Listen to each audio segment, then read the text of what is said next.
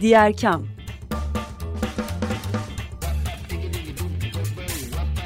Sosyal fayda dünyasından fikirler, tartışmalar, haberler.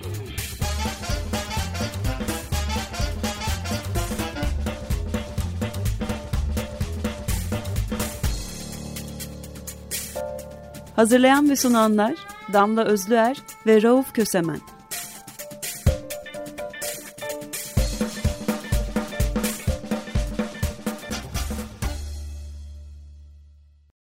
Herkese merhaba.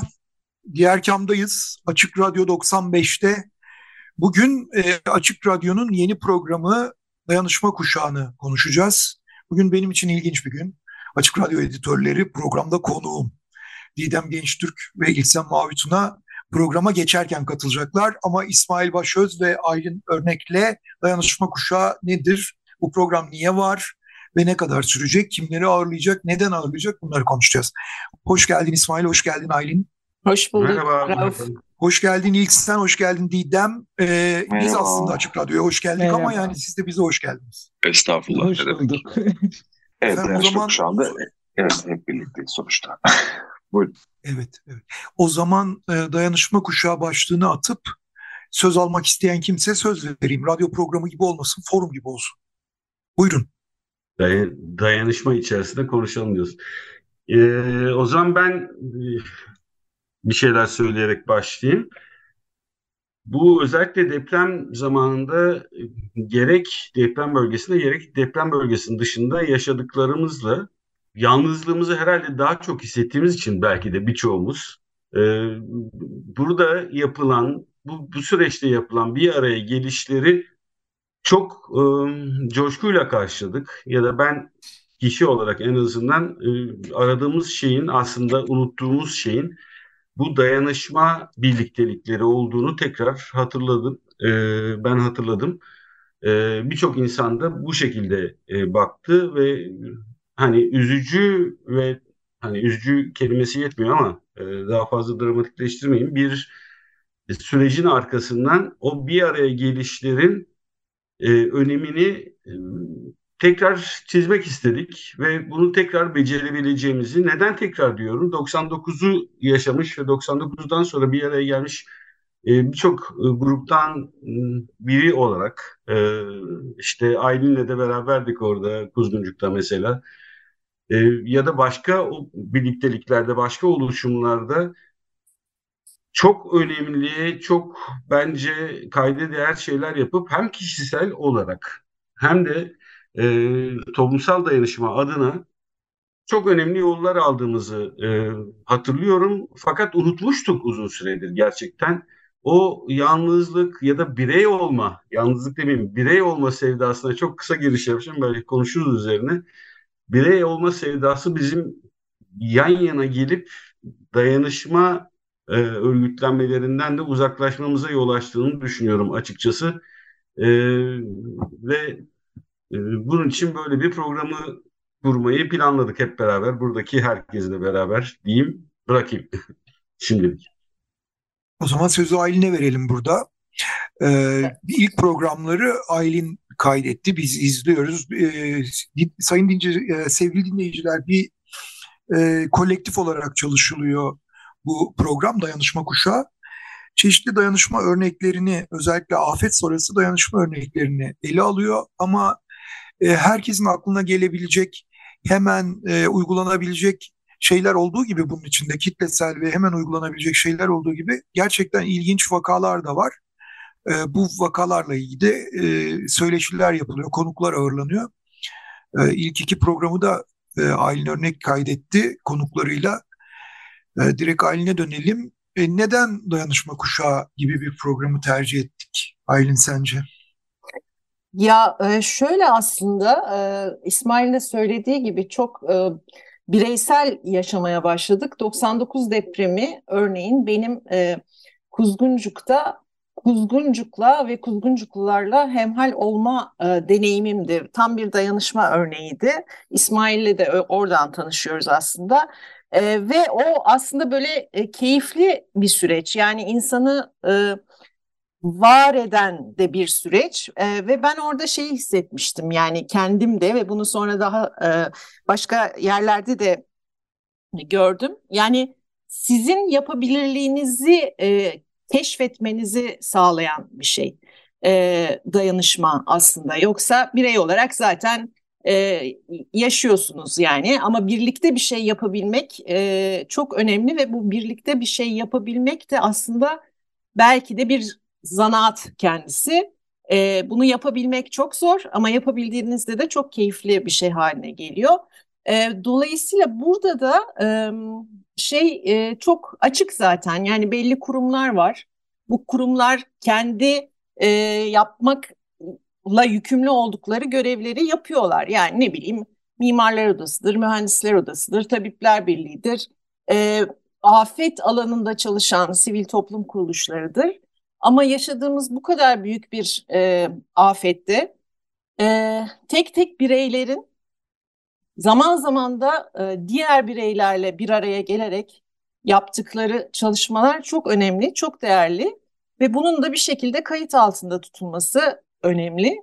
Dolayısıyla aslında bana bu e, şey e, öneri İsmail'den geldi ilk olarak. Böyle bir şey var, sen de dahil olabilir misin diye. Ben de seve seve, e, keyifle içinde yer alıyorum. Ve ayrıca şunu da hissediyorum yani aslında bizim burada bir arada e, yapmaya çalıştığımız şey de başka bir dayanışma bir yandan. Yani biz de burada bir dayanışma örneği sergileyip dayanışma pratiklerini ortaya çıkarmaya çalışıyoruz. Böyle benim açımdan. E, bu e, meseleyi bu meseleye benim katılımım da e, İsmail'in beni ya böyle bir şey var bir konuşalım mı diye çağırmasıyla olmuştu. E, ama epey yol almışlardı zaten. E, Didem herhalde o süreci bize biraz anlatabilir diye düşünüyorum. Sözü e, forumdaki sıraya göre Didem'e e, vereyim. Buyurunuz sevgili Açık Radyo editörü, koordinatörü Didem Gençtürk. Efendim merhaba, davet için tekrar teşekkür ederim. Ben bir kısaca süreci e, anlatayım. Depremin yani 6 Şubat depremlerinin ardından e, yoğun bir yayın faaliyetine giriştik. Tabii sevgili Gürhan Ertürk'ün de öncülüğünde çoğu programımız yerine değişik programlara ve altın saatlere bırakmaya başladı ve bu arada da tabii çok fazla gönüllü insana ve bir dayanışmaya da ihtiyaç duyduk tam olarak radyonun içinde.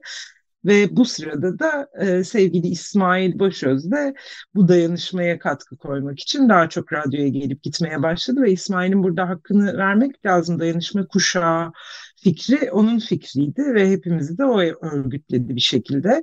Bu programlar sürerken İsmail dayanışma kuşağını hatta ilk adını da analım dayanışma bandı mı yapsak dedik ve bu dayanışma bandını dayanışma kuşağına çevirmek Rauf'un fikriydi ve hepimizi ikna etti bu konuda. Daha da güzel oturdu. Sonrasında da konuşmaya başladık. İsimleri de anmak lazım. Hepsi Açık Radyo e, çevresinden isimler. Murat Meriç de e, dahilinde. İşte Nazlı yayın asistanımız bizim birçok işimizi olduğu gibi kolaylaştırıcılığında ilerliyoruz. İlk sen Mavi Tuna ve tabii ki etrafımızda başka insanlar da var. Bu vesileyle ben de Aylin'i tanıdım ve aramızdaki en çalışkanlardan bir tanesi Aylin.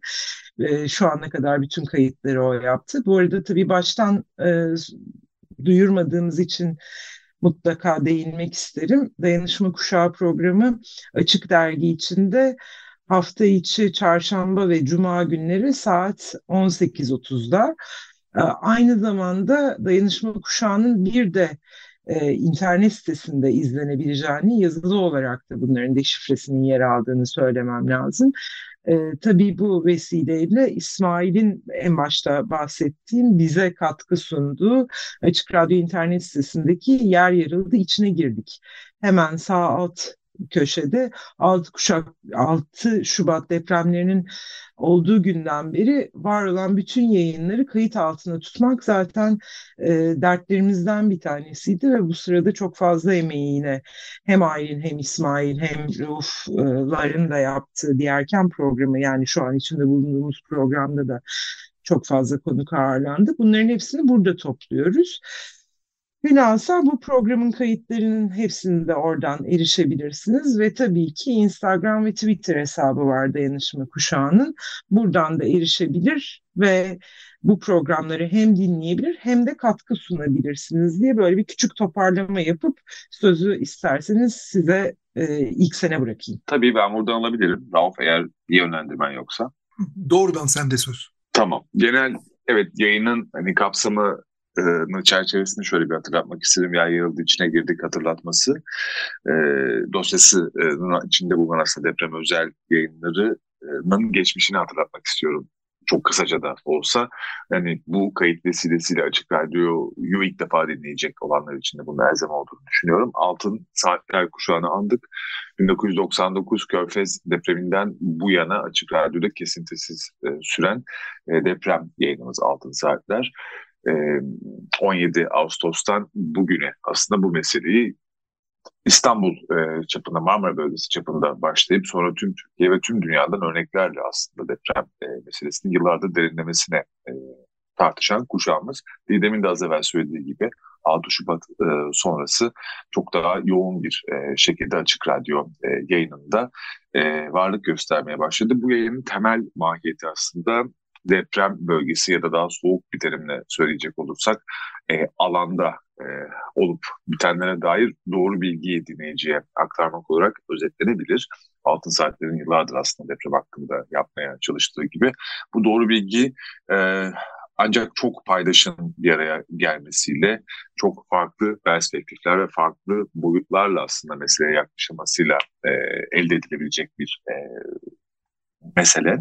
E, bir kategori diye hatırlatmak isterim. Yani sahanın bilgisi öyle kolay bir şey e, değil. Ne kadar doğru kaynaklarınız olursa olsun kimsenin bu kadar karmaşık bir meseleye tamamen vakıf olması beklenemez. Zaten altın saatlerde yıllardır çok farklı tırnak içinde sektörlerden e, katılımcılarla birlikte e, depremi konuşuyor, konuşmaya da devam ediyor. Açık Radyo'nda zaten temel misyonlarından birisi bu.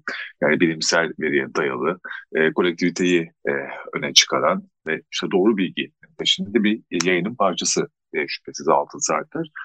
Evet İsmail'in de e, aslında lokomotif olduğu e, süreçte ortaya çıkan dayanışma kuşağı e, bana soracak olursanız altın saatlere bu manada eklemleniyor ve bir başka katkı e, yapıyor. Evet, sahaya dair doğru bilgiyi e, çıkarırken aslında biz e, bir de tarihselliği anıştırmak istiyoruz. Az evvel İsmail'in söylediği gibi 99 depreminden sonra e, bir araya gelen pek çok e, şey var, oluşum var biliyorsunuz. 1999'u niye inatla anıyoruz? Bir hani e, benzer mahiyette bir felaket olduğu için değil sadece ama Türkiye'de sivil toplumun da e, bu kadar büyük bir cisimle e, ortaya çıkmasının 90'lar sonrası ilk örneğini teşkil ediyor aslında 1999 depremi sonrası alanda oluşmuş sivil koordinasyon. E tabii şimdi bu konu başka bir konu, başka zaman konuşuruz belki ama aradan geçen neredeyse 25 yılın ardından Türkiye'de ve dünyada pek çok şey değişti. Zaten biliyorsunuz 99'da alanda ortaya çıkan sivil koordinasyon e, yol da çok uzun süremedi farklı e, sebeplerden e, ötürü ama bu bir gelenekti. Daha sonra 2013 yılının Mayıs'ında kendini gösterdi bu gelenek bana soracak olursanız. Çok büyük bir sivil inisiyatif olan e, Gezi hareketiyle birlikte. Şimdi de işte aslında e, yine e, bizi hayata döndüren bu zor günlerde bizi hayata bağlayan bir başka dayanışma alanının e, içindeyiz. Rauf'un da yönlendirmesiyle buna kuşak dedik hem e, bir radyo terimi olarak e, kuşak hem de aslında e, hem bir coğrafyayı belirlemesi gibi çok alt bir anlamı da var ama temelde yani şimdi baktığımız çerçeveden söyleyecek olursak 1999 depreminden bugüne ve bugünden yarına geleceği inşa edecek dayanışma kuşağını yani jenerasyonunu da e, aslında tanımlıyoruz demek çok iddialı olur ama arıyoruz ve duyurmaya çalışıyoruz. Bunun da örnekleri alanda e, söz konusu.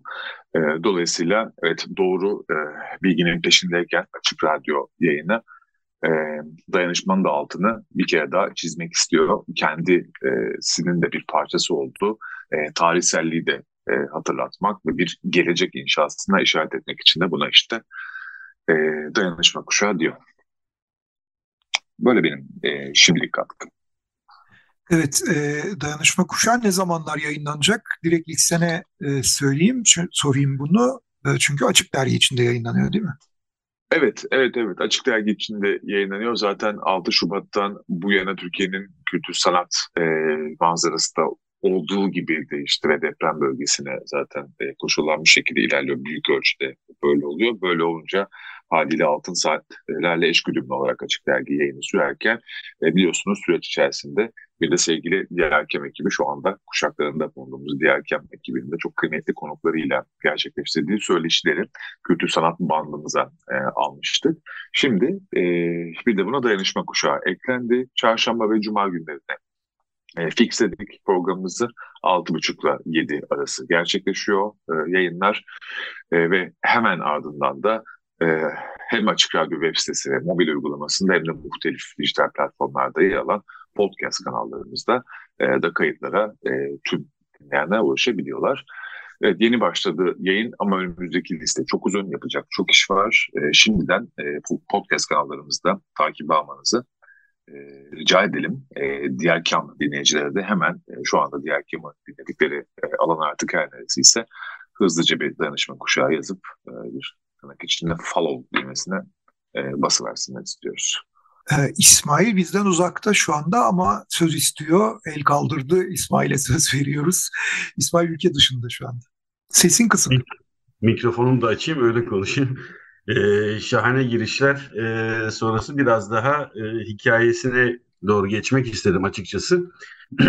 hem e, deprem bölgesinin dışında hem deprem bölgesinde e, bu süreçte gerçekten çok fazla e, dayanışma örgütlenmelerine, dayanışma bir araya gelişlerine tanık olmaya başladık. Çok e, gerçekten umut verici bir kısım e, bu boyutu. Tarih vererek söyleyeyim 27 Şubat 2023 yılında T24'te Cansu Çamlıbel'in bir e, röportajı olmuş idi. Profesör Doktor Tarık Şengül'le e, ODTÜ'de öğretim üyesi Tarık Şengül daha başlangıcında söylediği bir highlight yapılmış bir e, alt başlığı vardı. Bu enerji tümüyle kızgınlığa dönüşüp faşizmi de çağırabilir. Tam tersine dayanışmacı toplum örüntülerini de çağırabiliriz. Çok vurucu gelmişti bana bu gerçekten. E, kritik bir yer. Çünkü duygusal olarak çok yükseldiğimiz e, bir dönem yaşıyoruz birçok açıdan. E, gerek benim gitmeden önce burada yaşadığım küçük e, açık radyo içindeki dayanışmada e, gördüğüm şey gerekse deprem bölgesinde geçirdiğim bir haftada e, bunun çok fazlaca örneğinin neredeyse spontan olarak geliştiğini gördük. Önceden e, hazırlanmış örgütler de var elbette. Dayanışma örgütleri de var. Kadın hareketleri başta olmak üzere. E, ama o an gelişen hızlıca gelişen e, örnekler de var. Defne'de geçirdim bir haftayı. Her bir köşesinde sivil organizasyonlar gerçekten büyük yardım yapıyorlardı. Her köşesinde insanlar vardı. Herkese bir şeyler ulaştırılıyordu. Ve buradaki çalışmaların neredeyse e, ne bileyim yarıya yakını da e, o an yani depremden sonra bir araya gelen insanlar idi. Birçok mutfak, birçok e, işte yardım dağıtım kuruluşları hatta şey kuruluşları diyorum insanları yani insanlar bir araya gelip çok küçük bir örneği daha ilk gün görmüştüm. Bizi Adana'dan alıp e, Antakya'ya götüren gencecik bir arkadaşımız dedi ki ya ilk gün ne yapacağımızı düşün, düşünürken iki arkadaş dedi bir tane van, e, panel van mı deniyor işte bir araç vardı arkadaşımızda işte Adana'dan yardımları yükleyip yükleyip oraya götürdük. Geri döndük yükleyip oraya götürdük. Birkaç gün içerisinde WhatsApp'tan haberleşip 5-10 kişiye çıktık. Şimdi 30'a yakın insanız. Ee, bize yardımcı olan, finans desteği sunan insanlar da var. Boyumuzun çok üstünde işler yapıyoruz abi diye konuştuk. Farkında değil başlangıçta yola çıkarken ama şu an ulaştıkları noktada bu bir araya gelişin e, hem fonksiyon olarak, işlevsel olarak çok büyük şeyler e, yarattığını hem de onların bu e, kendi içlerindeki duyguyu paylaştı biraz. E, beni çok etkilemişti. E, çok daha başka e, örnekleri de var. E, yine alanda gördüğüm ki alanda gitmeden gördüğüm ama bir şeyin altını çizmek istiyorum ısrarla. Bu sadece deprem bölgesi için bir araya geliş değil. E, bizim konuştuğumuz e, bu programda da gündeme getirmek istediğimiz ve getireceğimiz sadece deprem bölgesi oluşumları değil. Mesela İstanbul'da çok önemli, e, hepimizi ne bileyim kaygılandıran bir e, sürece doğru gittiğimizi biliyoruz depremle ilgili. Atıyorum programdan önce de söylediğim gibi mesela bin kişilik bir sitede e, yaşayan insanların da bir araya gelip tedbirler alabilmesi, e, Mesela e, İlksen telsiz dersine girmeye başladı yanılmıyorsam. E, bu tür organizasyonlar her yerde, her mahallede gelişiyor. E, bunlar çok kıymetli girişimler. E, bunların da sesi olalım ve birbirimize haberdar edelim istiyoruz. Bu sadece deprem bölgesinde e, olan ya da o bölge için çalışan insanların değil, aynı zamanda kendi geleceğimiz için de e, bir araya gelen, gelmeye çalışan insanların e, sesi olacak e, bu program diye düşünüyoruz. Evet Aylin söz istiyor galiba. Verdik. Buyur Aylin. Ya e, bütün bu konuşulanlardan şöyle, bu coğrafyada biz çok e, ağır şeyler yaşıyoruz. E, başımıza gelmeyen şey kalmadı. Gerçekten büyük e, kötülüklere ya da kötü şeylere maruz kalıyoruz ama benim e, böyle kendi kendime aslında kurduğum e, bir cümle var. E, sanki buraya oturuyor. Tabii yanlış da anlaşılmak istemem söylediğim şeyle. Ben hep şey diyorum son dönemde. Yani bazı kötülükler de insana iyi geliyor gibi. E, dolayısıyla yaşadığımız bu kötü şeyden sonra işte İsmail'in de dediği gibi o enerjiden çıkan şey bazen e, birileri içinde iyi bir şey oluyor ve bu iyi bir şey galiba dayanışmayla oluyor. Onu eklemek istedim kendi adıma. Çok doğru. Dayanışmayla oluyor artık iyi şeyler ancak. Evet. Burada dayanışma kuşağının e, ele alacağı örneklerin aslında sadece bu örneklerin paylaşılması değil, e, benzer örneklerin kendi yaşam alanlarımızda tekrarlanması içinde olduğunu anlıyoruz. İsmail'in özellikle yaptığı vurgulardan. Ve mesele hakikaten sadece deprem de değil çünkü e, iklim krizi çağındayız e, ve genel olarak çoklu krizler çağındayız. E, kuraklıkla baş başayız. E, Türkiye bir ekonomik krizle e, yüz yüze. E, aynı şekilde başka e, konut krizi gibi başka krizler de e, bizim içinde yaşadığımız krizler haline geldi. Kapıda bekliyor falan değil. Bayağı bildiğimiz barınma sorunları yaşıyor e, ülke. Eğitim krizi yaşıyor gibi. Bütün bunlardan e, çıkmanın ya da çıkamıyorsak bile bu fırtınaları atlatmanın e, ilacı dayanışma hakikaten. Yani yan yana gelirsek birbirlerimize birbirimize şifa olabilirsek, birbirimizin ihtiyaçlarını asgari ölçüde de olsa karşılayabilirsek e, geleceği bir şekilde daha erken kucaklıyor e, olabiliriz. Aylin e, bir şey var e, merakla bekliyorum. Bir alıntıdan söz ediyor bir kitaptan Aylin. Evet, ben çok sevdiğim bir yazar vardır Richard Sennett diye. Onun Beraber diye bir kitabı var. Çok böyle başucu kitabım gibidir. Ara ara bakarım. O şey diyor, bir işbirliğini uygulamak, orada işbirliği diye geçirmiş ama bir işbirliğini uygulamak bireylere ve gruplara kendi eylemlerinin sonuçlarını idrak etmelerinde yardım edebilir. Yani dayanışmayla dediğim gibi ilk başta da söyledim. Sadece e, ihtiyacı olana yaptığımız destek değil, o ihtiyacı olana yaptığımız destek karşısında bizim kaz ne kazandığımız da çok önemli. E, ne yapabilir olduğumuzu fark etmek de çok önemli ve dayanışma bunu sağlıyor gibi hissediyorum ben. E, işin acayibi başka çare de yok galiba. Yani evet, çünkü bunu biz yapmazsak devlet de yapmıyor. Evet, evet. yapmıyor maalesef. Başka bir e, alıntı gibi olacak bir sözü de ben gideyim. Acı e, Buyun Çulhan'ın kitabından, Palyatif Toplum kitabından o çok hoşuma giden acılardan azade olmaya, anestezi altında yaşamaya çalışıyor toplumlar diye söylüyor gerçekten. E, ve burada da sadece birey olarak e, kendi acımızı kesmenin yollarını arıyoruz e, sadece. Halbuki bu acıların kaynağı hiç de öyle bireyden kaynaklanan, kendimizden kaynaklanan değil e, çoğu zaman. Doğal olarak da toplumdan kaynaklanan, yaşadığımız dünyadan kaynaklanan acıları, acıyı kesmek de önemli değil. Bunları birlikte yaşamak e, aslında tercih etmemiz e, gereken ve ancak dedin ya başka çaresi yok dedin Rauf. Bence de başka çaresi yok. Sadece bir araya gelerek e, bu acıları birlikte paylaşmak ve birlikte e, ne bileyim bir miktar daha çekilir hale getirmek e, mümkün olacaktır. Ya bu mesele hakikaten şöyle önemli. Yani çok büyük bir felaketle karşılaştık ama e, küçük felaketler de olsa aynı şey geçerli. Evet. Evet. Aklı ortakladığınızda çözüm buluyorsunuz. E, Şili örneği sürekli konuşulur. Sosyal medyada dinleyicilerimiz de e, izliyorlardır, görmüşlerdir. E, Şili'deki bir depremden sonra e, ortak akılla erişilen bir, bir dizi çözüm anlatılır. Çözümlerden biri şu örneğin. E, deprem sonrası konutlar yapıyorlar ama bu konutların e, her bir konutu sadece deprem sonrası acil yaşam için yaparlarsa konutlar çok küçük kalacak. Ama bir kaynak harcanıyor olacak oraya ve o kaynaklar çöpe gidecek. O yapılar yeniden yapılacak. Eğer yapının tamamını yapmaya kalkarlarsa da buna kaynakları yok. Nasıl çözüyorlar? Şöyle çözüyorlar.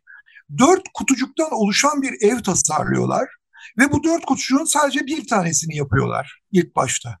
Ve herkesi bu kutucuğa yer, bu kutucuklara yerleştiriyorlar.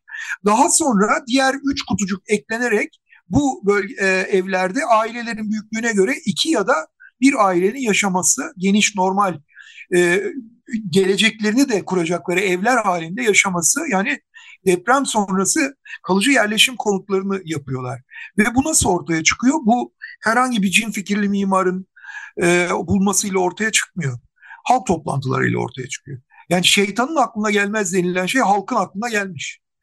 Dolayısıyla biz e, dayanışmayı bu yüzden önemsemeliyiz. Dayanışma aynı zamanda çok akıllılık demektir. Çok akıllılık demek yetmez.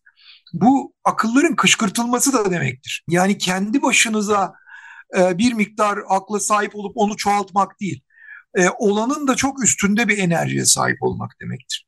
Programın sonuna doğru geliyoruz. İlk sen sesini açtı. Son sözü ona vereyim diyeyim. E, ve buradan bitirelim. Evet ben de aslında veda etmek üzere ve hani süre hatırlatması için açmıştım mikrofonu. Gayet kapsamlıydı. Daha henüz başında olduğu için e, programımız Dayanışma Kuşağı genel bir içeriye dair bir liste sunmak istedim ama yine de hani yayın e, ancak olunca üzerine konuşabiliriz. O yüzden ondan da vazgeçiyorum ama hatırlatmamızı yapalım. Açık Radyo.com.tr'de yay yarıldı içine girdik e, dosyası altında. 6 Şubat'tan bu yana gerçekleşen bütün deprem özel yayınlarına dinleyenler ulaşabilirler. E, ayrıca Altın Saatler'in, Diğer Kam'ın ve şimdi bu programa e, hakkında yaptığımız Dayanışma Kuşağı'nın ayrı ayrı podcast kanalları da var. Oradan da dinleyicilerimiz ilgilerini eksik etmesinler demek isterim. Diğer kamın sonuna geldik. Salı 16.30'da başladık. 17'de bitiriyoruz. E, ben Rauf Kösemen, e, ortam Damla Özler bugün bizimle birlikte değildi. Dinleyici olarak programımızı dinleyecektir. İsmail Başöz, Aylin Örnek bizimle birlikteydi. İlksen Mavi Tuna ve Didem Gençtürk bizimle birlikteydi. Dayanışma Kuşağı programını konuştuk. Dayanışma Kuşağı için dayanışma örneklerini de bizlere Açık Radyo'ya e-postayla ya da sosyal medya kanallarından bildirebilirsiniz. Değerlendireceğimizden emin olun. Herkese hoşçakalın diyoruz. Hoşçakalın arkadaşlar. Hoşçakalın. Hoşça Çok kalın. teşekkürler. Hoşçakalın. Görüşmek üzere. Görüşürüz.